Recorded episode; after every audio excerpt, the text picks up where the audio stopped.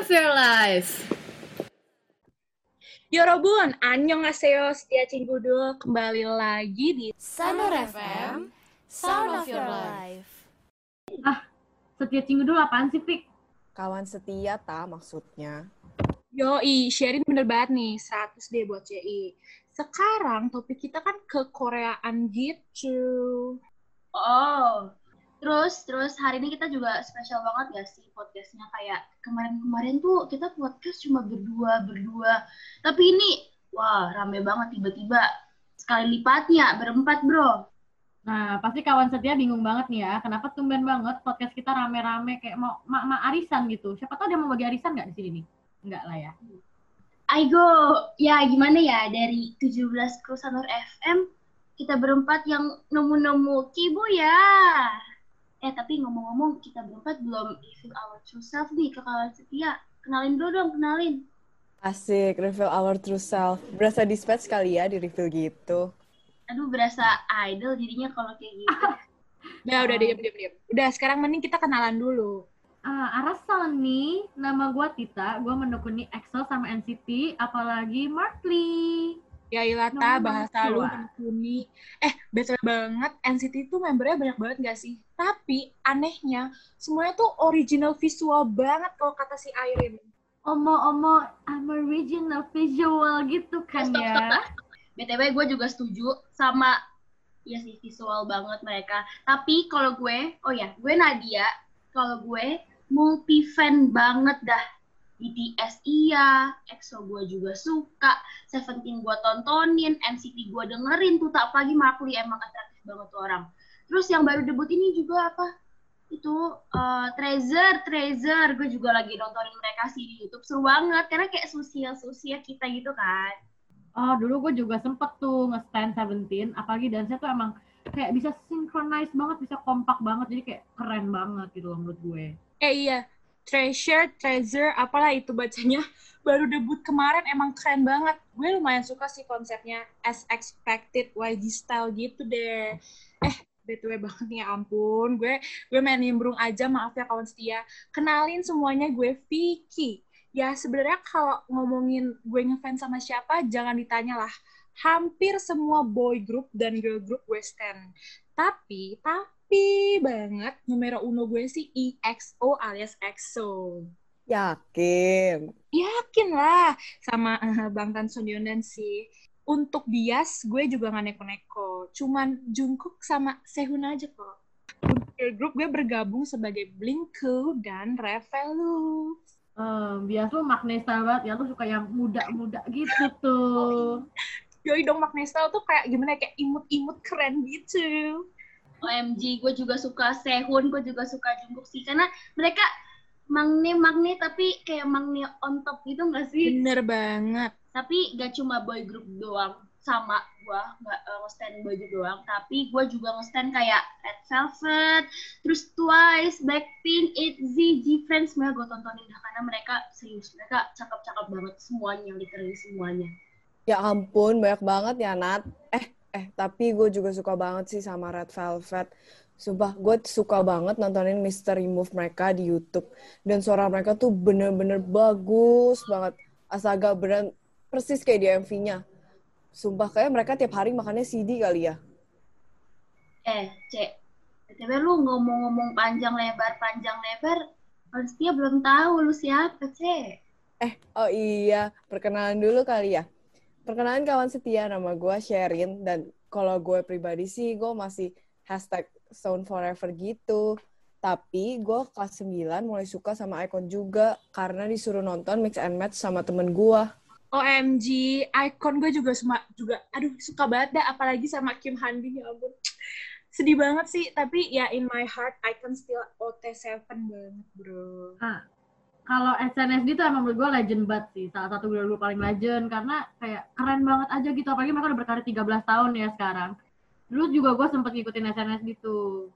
Kalau gue sih eh, nggak sejam terbang gue belum selama kalian sih. Gue emang baru-baru ini suka K-popnya kayak jadinya gue nggak ngikutin yang Gen 2 gitu. Jadi gue mungkin kayak newbie gitu. Tapi BTW kalian suka K-pop kenapa sih? Iya, kan ada dua jalur tuh. Namanya ada yang jalur karma sama satu lagi jalur pribadi. Ada kayak masuk PTN aja ada jalur-jalurnya. Ya nggak usah ditanya please, gue udah pastinya jalur karma. gue juga kalur karma sih, Fik, bisa dibilang gitu. Cuma kayak shameless aja gitu. Nah, masalahnya nih, masalahnya, Tit. Jalur karma gue tuh udah definisi kayak nelen udah sendiri gitu. Kenapa tuh, Fik? Ya, gimana ya? Dulu di SMP, gue tuh bener-bener yang namanya Korea, K-pop, apa segala macem tuh emang dasarnya tuh kayak haram gitulah. Kayak semua orang di SMP gue tuh hampir gak suka banget sama Korea, kayak dikatain plastik lah, apalah gitu kan. Otomatis ya karena circle gue kayak gitu, gue juga jadi ikutan nge-hate, nge-hate Korea gitu kan. Tapi lama-lama karena temen gue ada yang keibu banget tuh waktu itu, dan gue sempat pulang bareng sama dia karena emang rumah kita searah gitu kan. Nah terus uh, dia tuh sama perjalanan nyetel lagu kor nyetel lagu Korea gitu dan menurut gue wah enak banget gitu didengarnya. Cuman gue tuh kan kayak lu tau lah kayak gengsi bro buat nanya ini judulnya apa secara gue udah belak belakan nyatain kalau gue tuh gak suka Korea. Jadinya lu jatuhnya kayak takut hilang ha uh, harga diri lah ya, Fik bener gila gue nahan banget buat gak nanya sama dia sampai akhirnya gue uh, udah nggak bisa control myself gitu dan beraniin diri dengan gak taunya gak tau malunya untuk nanya judul lagunya dan judul lagunya itu adalah Love Scenario dari Ike Sarang heta uri gamana jiu jimota cua gidweta. Udah stop sharing. Jangan nyanyi sharing astaga. iya, C. Dan lagu lainnya itu, tebak apa? Ini di luar dugaan banget sih. Ini BTS Cypher 4, bro. Cypher 4. Gue juga suka lagu itu, beneran. Iya, Kanat. Secara emang gue sih, ya seperti yang kalian tahu, gue emang suka lagu-lagu genre yang rap-rap gitu kan. Dan gue merasa hmm. lagu itu tuh kayak, apa ya istilahnya, ya gitu deh tapi pas itu gue belum kepo-kepoin orangnya gitu dan ya tapi uh, hate gue lumayan berkurang sih gara-gara gue lumayan denger-denger lagu Korea gitu. Sampai skip skip skip skip gue SMA di Santa Ursula Jakarta. Yang bikin gue berubah banget deh pokoknya. Pandangan gue ke K-pop lah itu bener-bener berubah banget. Gara-gara nih salah satunya nih si Sherin yang cekokin gue Korea terus. Padahal gue udah bilang kayak no I hate Korea gitu. Bener banget. Dulu ya, kalian harus tahu nih. Vicky tuh kalau pas kelas 10 selalu hujat gue di kelas. Karena perkebuan gue ini. Tiba-tiba dia lain gue foto-foto member NCT. Sumpah bener-bener foto Taeyong, Jaehyun berjejer semuanya di line gue. Hmm, makan tuh omongannya. Eh, jangan buka kartu dong, Sherin. Maaf banget deh, Miane Oni. Ya, ya gitu deh. Gue kirim-kirim foto ke Sherin dan klimaksnya tuh sebenarnya gara-gara gue dirawat inap karena DB kan. Gue kayak bosen gitu tuh waktu di rumah sakit. Pas mau nonton TV, gue sebenarnya ada kesel sih kenapa tuh TV cuman nyetelin channel Korea. Cuman ya gimana lagi karena namanya juga orang bosen gitu, lagi sakit nggak bisa ngapa-ngapain. Nah akhirnya gue ya udahlah nonton. Nah karena gue merasa kok nih aktor ganteng banget gitu kan. Ya biasa lah ya manusiawi. Abis itu abis itu selesai itu film, gue bener-bener searching dong kayak ini film judulnya apa pemainnya siapa gitu kan. Nah pas gue lihat pemainnya nama pemainnya tuh si Park Chanyeol. Nah gara-gara Park Chanyeol itulah gue kepoin tuh. Jadi karena kan dia join ke grup EXO terus gue kepo-kepoin membernya lah segala macem. Sampai akhirnya gue bener-bener jadi EXO-L guys. Dan lagu yang bikin gue suka banget sama EXO adalah Lucky One dan gitu.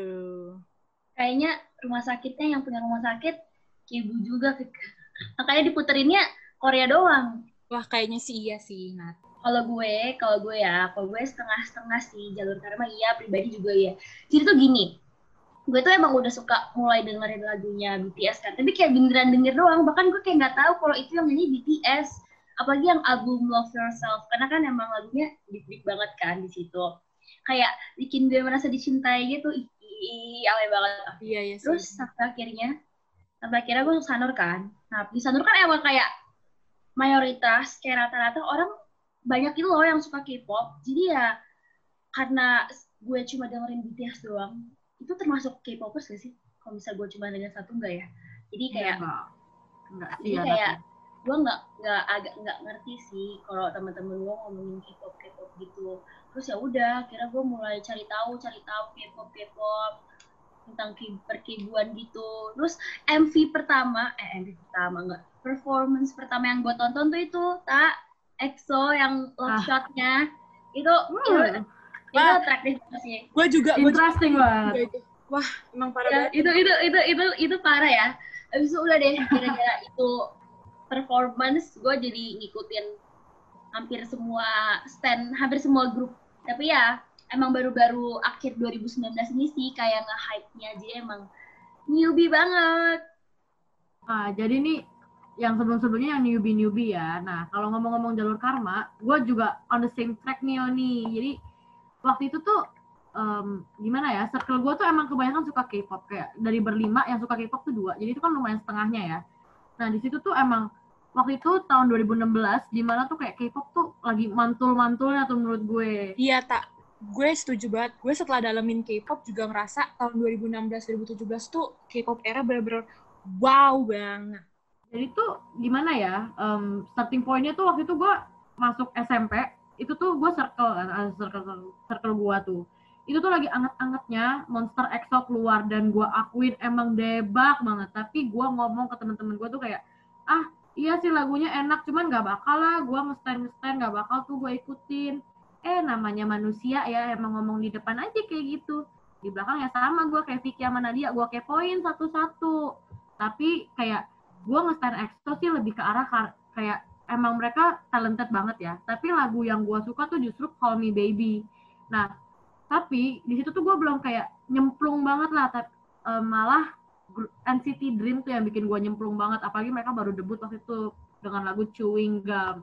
Di situ tuh gue langsung, aduh terpana lah gue sama orang-orang itu.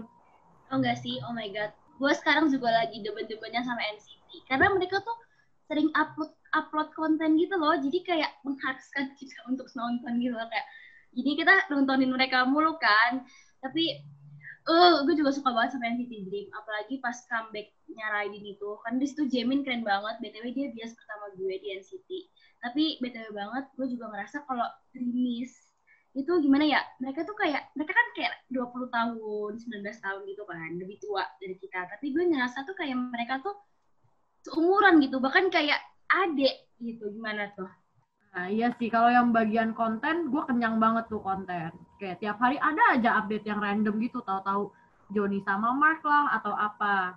Tapi kalau yang umur itu sih gue berasa imo karena gue emang lihatnya dari kecil mereka kecil banget kan kayak Jisung masih umur berapa waktu itu terus kayak gue bangga banget aja mereka bakal bentar lagi udah NF keempat loh bentar ya lagi bener-bener Wah, debak. Udah keempat aja. Kayak Blackpink juga baru aja nih NF keempat tanggal 8 kemarin. Iya, terus dengar-dengar Jenny katanya dikasih hadiah sama fandomnya yang namanya Jenny Bar. Di, kayak katanya fotonya mau ditampilin di satelit dan total dananya sampai 235 miliar. udah Terus ditampilin tahu sharein kemarin keren deh Iya, sumpah. Terus fandom Lisa juga sewa drone sampai 200 biji. Aduh, ampun deh. Iya, emang barbar gitu beneran barbar banget dah. Gue yang mau beli merch aja, mikir kayak bener-bener beribu-ribu kali. iya fix setuju kayak beli merchnya satu mikirnya sebulan lebih malah Eh, ngomong-ngomong soal merchandise, thank you banget ya kawan setia yang udah beli merchandise Sonora FM kemarin. Nah iya, makasih banget ya kawan setia untuk partisipasinya. Ditunggu ya barangnya sampai ke kalian. Yeay, bagus Nah. kan merchandise-nya. Nah, gue balik lagi ke pembahasan yang K-pop ya. Gue setuju banget tuh kayak Barbar tuh kayak selalu ekstra gitu loh kalau misalnya ada event-event kayak sih dari tahun 2016 gue nge-stand K-pop itu kayak Barbar gitu emang kayak oh, maaf ya anjing gue berisik nggak tahu itu histeris apaan. Nah, tapi emang dari emang gue akuin dari 2016 tuh kayak proyeknya keren-keren banget. Ada yang pesawat lah, bis gitu-gitu kayak buat ulang tahun doang tuh keren banget menurut gue. Kemarin tuh Mark aja ada tuh kayak satu restoran disewa gambar Mark yang kick it. Nah, terus kayak nanti Jamin juga tuh katanya bakal diluncurin gambarnya pakai satelit kayak Jem, kayak Jenny. Yeah, lah ngomong-ngomong lu pada mah jalur karma.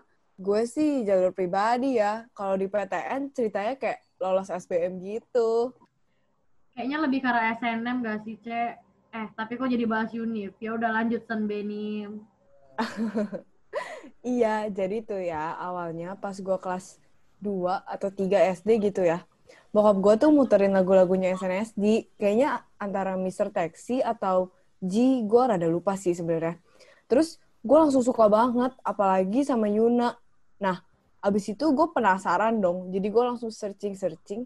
Dan gue nontonin deh semua MV-nya SNSD di YouTube. Oh, bokap lu soalnya juga dong ya? What? CI 2 sampai 3 SD? Wah, emang K-popers sejati sih lu. Iya, gak bohong. Ini fun fact aja sih. Tapi dulu gue juga sempet nonton konser SM Town yang Live World Tour 3 pas 2013 dan bareng bokap gue. Bokap lu, wah kalau bokap gua kayak bokap lu, gua seneng sih. Tapi waktu itu kan sempet kan ada rumor-rumor kalau tahun ini tuh harusnya ada SM Town konser gitu di Indo. Tapi karena corona, jadi ya, ya pasti batalin lah. Padahal gua tuh ya waktu itu gua rela nolak tawaran Tita buat titip beli tiket konser Dream. Karena kan kayak gua mikir kayak ah nanti sekalian aja lah di SM Town konser. Karena kan kayak rame gitu kan. Hmm, ternyata nggak jadi. Padahal tuh Tita udah ngajakin gua tuh ya beli tiket konser Dream. Kayak udah diajakin banget, Nat. Ayo mau nggak ikut gitu. Ya, tapi ya gimana ya. Eh, be quiet, don't cry. Tapi emang sih ya, penyesalan tuh datangnya terakhir banget. Padahal waktu itu Nadia udah gue bilang tuh, udah nonton aja dulu, nggak usah nonton yang paling depan. Yang penting kan nonton dulu. Tapi ya gitu, Nadia kayak, ah nggak mau, ah nggak mau, nanti Ya, aja. Harusnya gua Harusnya lu iya tau. Oke, harusnya gue mengikuti saran lu tak. Aduh, lain kali tuh ya, lain kali kalau ada konser di depan mata lu mau ikut, udahlah Langsung aja tancap gas. Iya, Gak tancap. usah mikir-mikir. Tapi Syek, kita bisa setim sih, soalnya gue juga ya K-popnya setengah-setengah, ada pribadinya, ada karmanya. Tapi emang BTW, karena lagu-lagu K-pop tuh maknanya keren-keren, kayak maknanya tuh deep-deep gitu ya, walaupun kita pas dengerin nggak nggak ngerti, tapi pas di translate tuh keren gitu. Iya, bener banget. Makanya kalau misalnya lagu keluar, gue selalu nontonin translatean liriknya apa. Nah, emang bagus banget. Eh, tapi emang bener-bener ya lu pada. Makanya jangan pada ngeledekin K-popers. Aduh, ampun deh, ampun. Ya, Nih, takutnya tapi- lu ledek-ledekin malah Kena juga lah karma kita. juga. On. Nah, tapi nih, tadi kan gue udah denger-denger lah, kawan stay juga udah denger nih, sejarah K-pop kalian, per K-popan kalian gitulah. Anyway nih, gue mau nanya lagi nih. Kali- Kalian itu ngefans, sekedar ngefans aja, atau sampai beli merch, terus nonton konser gitu? Em, kalau gua em, apa ya gua sel gua menganut prinsip selagi masih bisa nonton gua bakal nonton gua usahain nonton jadi kayak em soalnya kayak gue seneng aja gitu environmentnya kayak ketemu orang-orang yang sama-sama suka terus bisa enjoy nyanyi kenceng-kenceng suka-suka lu dan gak ada yang kayak bakal kayak nyinyir gitu loh jadi kayak terus kalau beli album tuh kayak senengnya kayak ketika lu unboxing lu nggak tahu dapet siapa kayak it's the joy aja gitu loh dan lu bisa kayak ketemu orang-orang baru apalagi waktu nonton konser Kayak PC-PC-nya gitu ya, kayak kan Iya, kayak postcard-postcard gitu. Aduh, ngomongin konser Tita, hmm, jadi sedih banget. Jadi tuh kayak waktu itu gue hampir banget mau nonton Exploration-nya yang kelima, Exploration-nya EXO di Jakarta, tapi ya gimana ya, kayak emang belum nasib gue gitu. Gue ditipu, bro. Ya padahal waktu itu juga udah gue tawarin, gue cariin tiket kan, Fik. Cuma lu kayak, Iya. enggak, enggak, gue sama mutual gue. Iya, Terus ya ternyata udah. nggak bisa gue speechless. Eh, ya, tapi ngomongin merch-merch gitu sih, gue selalu beli sih kalau misalkan itu XOSC. Kayak bener-bener selalu pre-order albumnya. Kayak nggak tahu kenapa gitu, hukumnya tuh pasti banget. Karena ya mungkin emang mereka dua-duanya tuh eh, bias gue gitu kan. Untungnya sih gue belum pernah ketipu ya. Tapi dulu temen gue pas SMP juga pernah ada tuh yang ketipu pas beli tiket konser BTS. ih sedih banget, ketipu-ketipu kayak gitu. Apalagi Vicky lu pas itu juga baru-baru suka EXO gitu kan, jadi kayak, hmm, oke. Iya, Nat. Wah, sedihnya tuh sedih banget. Ditambah lagi, gue ditipu di hari UAS. Bayangin bro, hari UAS. Makin beles aja air mata gue, ya ampun. Tapi gue mengakui ya, dari sebanyak konser yang gue tonton, Exploration kemarin tuh war tiketnya gila banget sih. Karena gue juga, untung banget gue dapet tiket sendiri, tapi gue bahkan dapet tiket tuh terakhir-terakhir ketika yang abis nge-crash dibuka lagi. Dan emang banyak banget calo-calo yang gila, di mana waktu gue baru nyampe venue, ada yang jual ven, em, apa section yang sama kayak gue, waktu gue nonton di Festival O, gue bayar harga asli itu sekitar 3,5 pakai tax, dan ada orang bayar harus, eh, ada orang jual sekitar 13 jutaan. Yang lu juga nggak tahu itu tiketnya asli apa enggak. Jadi kayak emang gila-gilaan banget sih waktu itu. Wah, gila banget. Iya kan, Tit? Gila banget 13 juta tuh. Iya, gila banget. Itu kayak juta. lima kalinya, enggak enggak lima kalinya, kayak empat kalinya, woy. Kayak bisa Iya, beli empat kalinya. Iya. Bisa Tapi- beli light stick berapa biji tuh? Pikir. Kalau gue, kalau gue sendiri gue belum pernah sih nonton konser K-pop. Karena kan emang gue baru-baru ini kan. Tapi kalau misalnya ada, gue pengen banget kayak penasaran woy kayak vibe vibes-nya konser-konser gitu, konser-konser K-pop ya terutama. Terus ketemu bias gue gitu-gitu deh. Tapi kalau album, gue punya album, tapi nggak gue beli pre-order atau gitu atau apa gitu loh. Jadi kayak gue beli album yang udah dirilis kayak sekitar dua tahun yang lalu gitu. Jadi Ah, Itu- ready stock ya? ya jadi kayak nggak sih gue beli dari em, anak yang udah nggak stand itu, abis itu dia jual gitu, abis itu gue beli. Jadi kan kayak jatuhnya lebih murah gitu kan. Tapi kan kayak Iya. nggak kurang seru gitu nggak sih kalau udah dibuka Iya, gitu iya. albumnya? Jadi kayak Hmm. nggak bisa dibilang udah beli album kalau gitu ya. Ya bukan nggak bisa sih, tapi rasa excited itu Feel-nya beda, feel-nya Iya, beda. iya bener banget. Karena karena kayak karena kayak Lu udah tahu siapa. Pas buka, pas lu buka segelnya gitu-gitu nggak sih? Iya, itu beda banget sih. Yang terpenting dari album itu adalah Unboxing. posternya, posternya dan PC-nya kan. Apa tuh fotokannya Ah. kan? Nah sayangnya gue tuh cuma dapet booknya doang. Jadi Ah, gue nggak dapet poster. Ah, rugi banget sih. itu itu wah sayang banget sih parah. Ah, kalau gue tuh dulu awalnya ya, gue juga kayak Vicky pre-order aja gitu random dapet siapa. Tapi eh tapi gue nggak sengaja nyemplung koleksi kayak photocard Dio semua. Ya dari situ mulai dah kegilaan untuk koleksinya gila banget kayak sampai sekarang gue juga masih kolek Dio dan Mark sih. Jadi kayak ada feel-nya gitu kalau kalian kolek satu member sendiri. Aduh, aduh, udah dong iri deh sama kalian.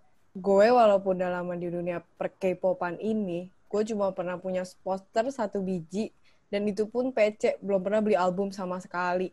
Don't be sad. Iya. Jangan sedih, Ce. Nanti ada saatnya ya. Kita berdua beli album pre-order sendiri gitu. Iya, iya, Official, bener eh. banget, bener banget.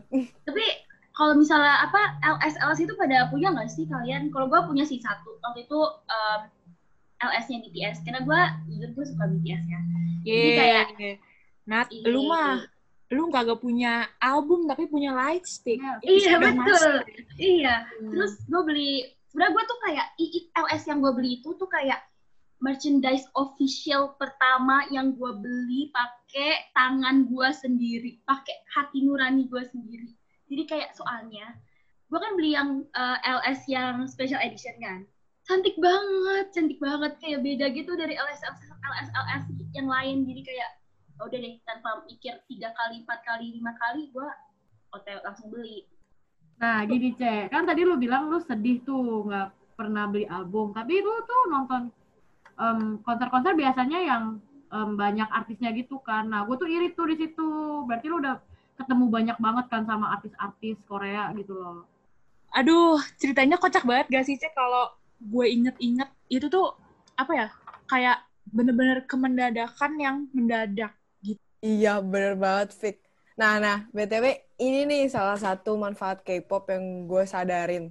Berkat K-pop, gue jadi nambah memori bareng teman-teman deket gue di Sanur. Dan itu bener-bener gak mungkin gue lupain nantinya. Eh, eh, jadi ceritanya tuh ya, waktu itu tiba-tiba gue dapet promo dari toko Eits, gak mau sebut merek ah. Kalau mau endorse dulu. Lah, minta di endorse Onion nih. Iya, ya. Oke, lanjut dulu. Nah, terus gue tawarin deh langsung teman-teman gue. Dan mereka juga pada mau. Makanya akhirnya kita pergi bertiga bareng ke konser itu. Dan menurut gue, itu tuh bener-bener worth it banget sih. Dengan harga cuma 300 ribu, gue bisa nonton New West, Red Velvet, Tiffany, SNSD, Kyuhyun, dan masih banyak lagi. Tapi iya sih, kayak yang dibilang Sherin kayak dengan K-pop tuh nambah banyak memori banget sama temen-temen. Kayak yang waktu itu gue inget tuh bahkan gue bisa sampai nambah temen. Di mana waktu itu abis pulang EXO tuh gue nggak kuat kan karena gue udah berdiri berjam-jam tuh. Terus akhirnya gue memutuskan untuk nginep. Kebetulan emang gue emang udah booking hotel yang deket banget sama venue-nya. Nah di situ tuh gue nginep bareng berlima gitu satu kamar. Dan di situ kayak kita semalaman tuh jadi ngomongin EXO semuanya dan bahkan kita nangis-nangis bareng-bareng gara-gara gak percaya abis liat EXO aja gitu Ya ampun, gue inget banget tuh, tak gue nontonin story-story lu. Kayak, aduh banyak banget. Dan, tapi itu seru banget sih, jujur. hmm. Hmm, iya sih kalau ngomongin manfaat tuh menurut gue emang K-pop tuh bawa manfaat banget buat gue pribadi. Kayak apa ya? Mungkin emang beda sih sama Tita sama Sherin gitu kayak mungkin kalian emang buat nambah temen kan atau keep memory with friends gitu. Nah, gue tuh ya gimana ya jadi suka K-pop tuh jadi kebiasaan nabung kan. Karena kayak aduh gue harus nabung nih karena bias gue mau comeback gitu. Jadi tujuan gue nabung adalah untuk beli album. Tapi di situ gue jadi bisa memanage gitu loh. Kalau gue harus ngeluarin duit berapa buat ngasilin duit berapa gitu. Terus ya gue jadi apa ya? Gue juga jadi istilahnya kalau gue stres tuh pelarian gue ke Korea gitu. Nggak apa ya nggak terlalu overthinking lah ke stres gue itu dan kalau misalnya Soalnya- gue udah soalnya kayak pas lu stres abis lu nonton Korea tuh jadi berasa ditemenin gitu gak sih kayak bener-bener kayak kalau gue stres tuh gue sendirian Iya, kalau gue stres tuh gue ngeluarin ngeluangin waktu 5 sampai 10 menit buat nonton opa-opa ganteng gitu. Dan abis nonton tuh kayak wah, relax lagi gitu. Dan apalagi ya kayak oh eh, belajar bahasa Korea sih. Jujur aja gue jadi lumayan dikit-dikit lah kayak baca Hangul gitu. Gue jadi udah bisa sekarang kalau buat Korea. Dan ah ini nih, ini yang paling penting. Cuci mata secara kita kan sekolah di Santa Ursula ya, sekolah homogen. Udah puas lah tuh tiap hari lihat yang cantik-cantik gitu kan. Nah, di, diseimbangin dengan nonton Korea yang ganteng-ganteng gitu. Bener banget, bener, bener bener. banget. bener banget sih terus ngomong-ngomong tentang yang cantik-cantik ganteng-ganteng fun fact waktu itu gue pernah tuh lagi beli pulsa dari tel ya sama kayak Sherin gue nggak mau sebut merek terus tiba-tiba gue di email tuh dapat tiket nonton G-Friend. Tapi sayang banget gue nggak nonton tuh waktu itu. Gara-gara emang lagi ada acara juga waktu itu. Ya ampun, tak sayang banget. Tau gitu kasih gue aja dah. gue nangis sih se- sekarang. Kayak sekarang tuh gue lagi suka banget sama G-Friend. Mereka tuh lucu-lucu banget yang innocent innocent gitu. Tapi aslinya enggak sih terus mereka juga baru comeback gitu kan Apple. Keren deh lucu konsep eh, enggak lucu sih. Itu kayak konsep mereka gitu konsep baru mereka yang penyihir-penyihir gitu kan Apple yang berasa di Cinderella. Apa Cinderella apa namanya? Snow White Nat Snow Snow White, White, ya benar-benar. Dan yang bikin gua suka dan proud banget jadi Buddy, btw Buddy itu nama fandomnya Gfriend guys. Mereka tuh kayak ada satu fancam di, mere- di mana mereka tuh tampil, tapi panggungnya tuh licin, licin banget gitu. Dan mereka kayak jatuh mulu hampir 10 kali. Jatuhnya tuh beneran yang kayak jatuh kepleset yang jebrok gitu loh. Tapi yang gue salutnya tuh mereka tetap nyanyi gitu loh dan masih stabil. Jadi kayak dari awal sampai akhir mereka jatuh-jatuh, mereka masih nyanyi, masih dance, pakai heels dan tetap stabil. Iya, iya. Gue lihat tuh fancam itu. Bener-bener keren banget. Ya walaupun gue bukan body, tapi ya gue respect sih sama kayak determinasi mereka. Iya, terus Different juga eh, kayak pemersatu fandom gitu loh. Ada kayak tuh legend banget. Gimana mereka tuh nyanyi gitu di konser yang undang-undang banyak idol. Jadi otomatis banyak fandom-fandom yang beda-beda gitu kan datang. Tapi pas partnya Different tampil nih, kayak literally nih ya, semuanya nyalain light stick-nya, terus nyanyi bareng gitu, nyanyi nge-fancamin, fancam kan, nge-chan bareng gitu sampai merinding gitu dengarnya. Tapi emang sih menurut gue K-pop idols tuh emang apa ya gimana ya kayak keren banget gitu sih buat nyenengin fansnya kayak berusaha buat nyenengin fansnya tuh effortnya nggak main-main gitu dan gimana ya yang nggak kalah penting sih menurut gue kayak kalau lu misalnya lu punya bias nih terus lu bisa ngelihat apa ya nilai positif dari bias lu itu loh kayak gimana ya Bener. ya kan kayak jadi apa ya jadi motivasi gitu buat diri kita sendiri Iya, Fik, bener banget. Gue juga ngerti sih.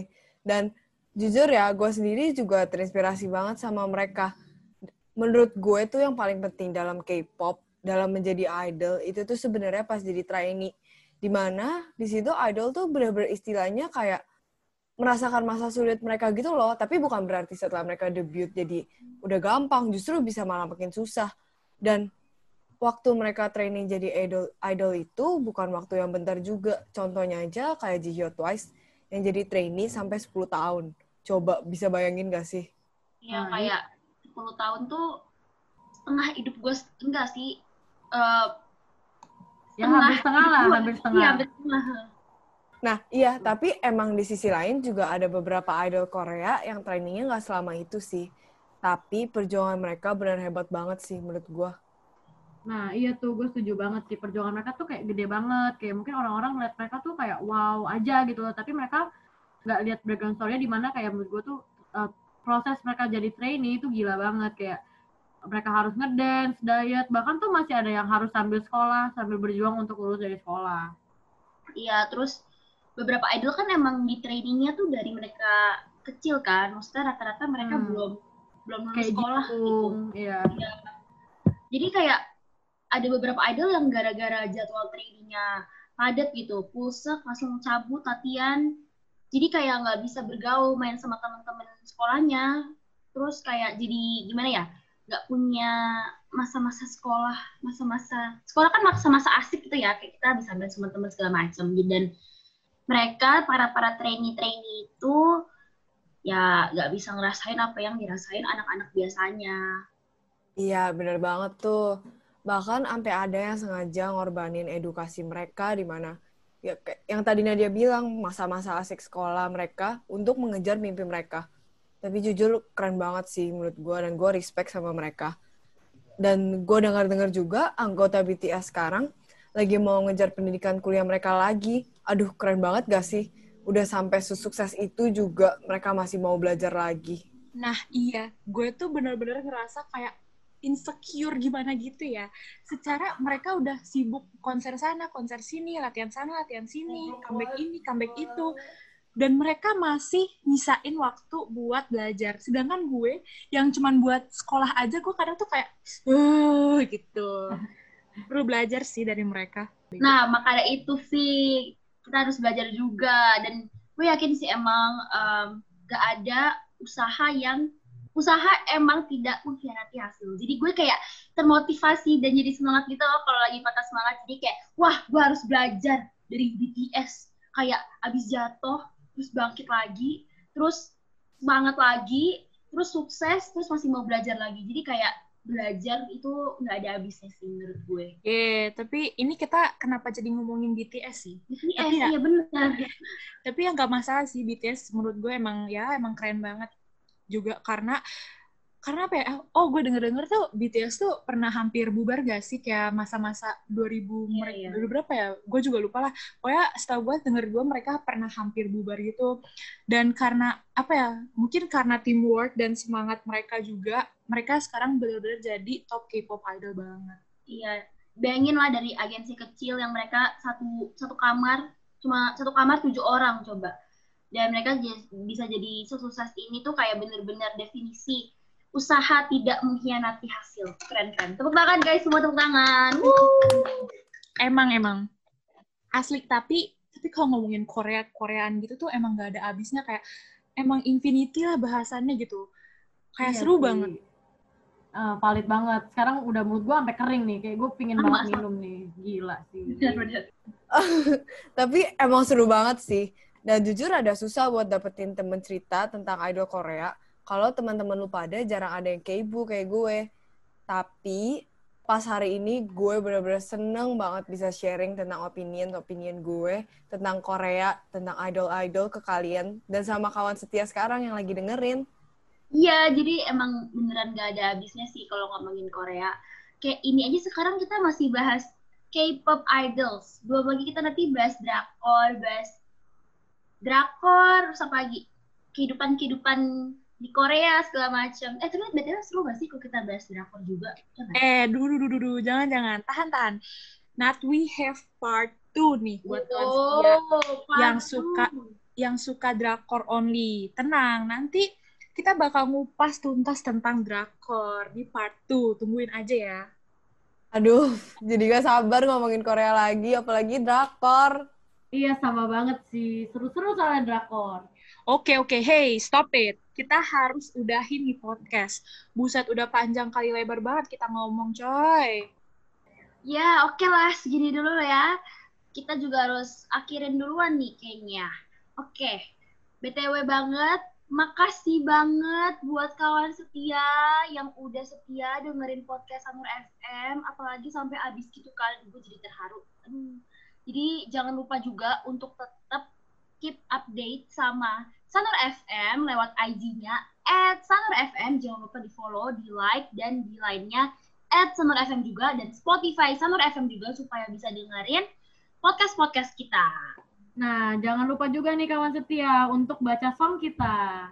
Iya, bener banget. Bagi kawan setia yang belum baca SOM sampai sekarang, ayo cepetan baca SOM-nya sekarang juga. Oke, sekian podcast hari ini. Gue Vicky, gue Nadia, gue Tita, dan gue Sherin dari Sanur FM, Sound of Your Life. Annyeong! Annyeong! Annyeong! Annyeong! Annyeong! Annyeong! Annyeong! Annyeong!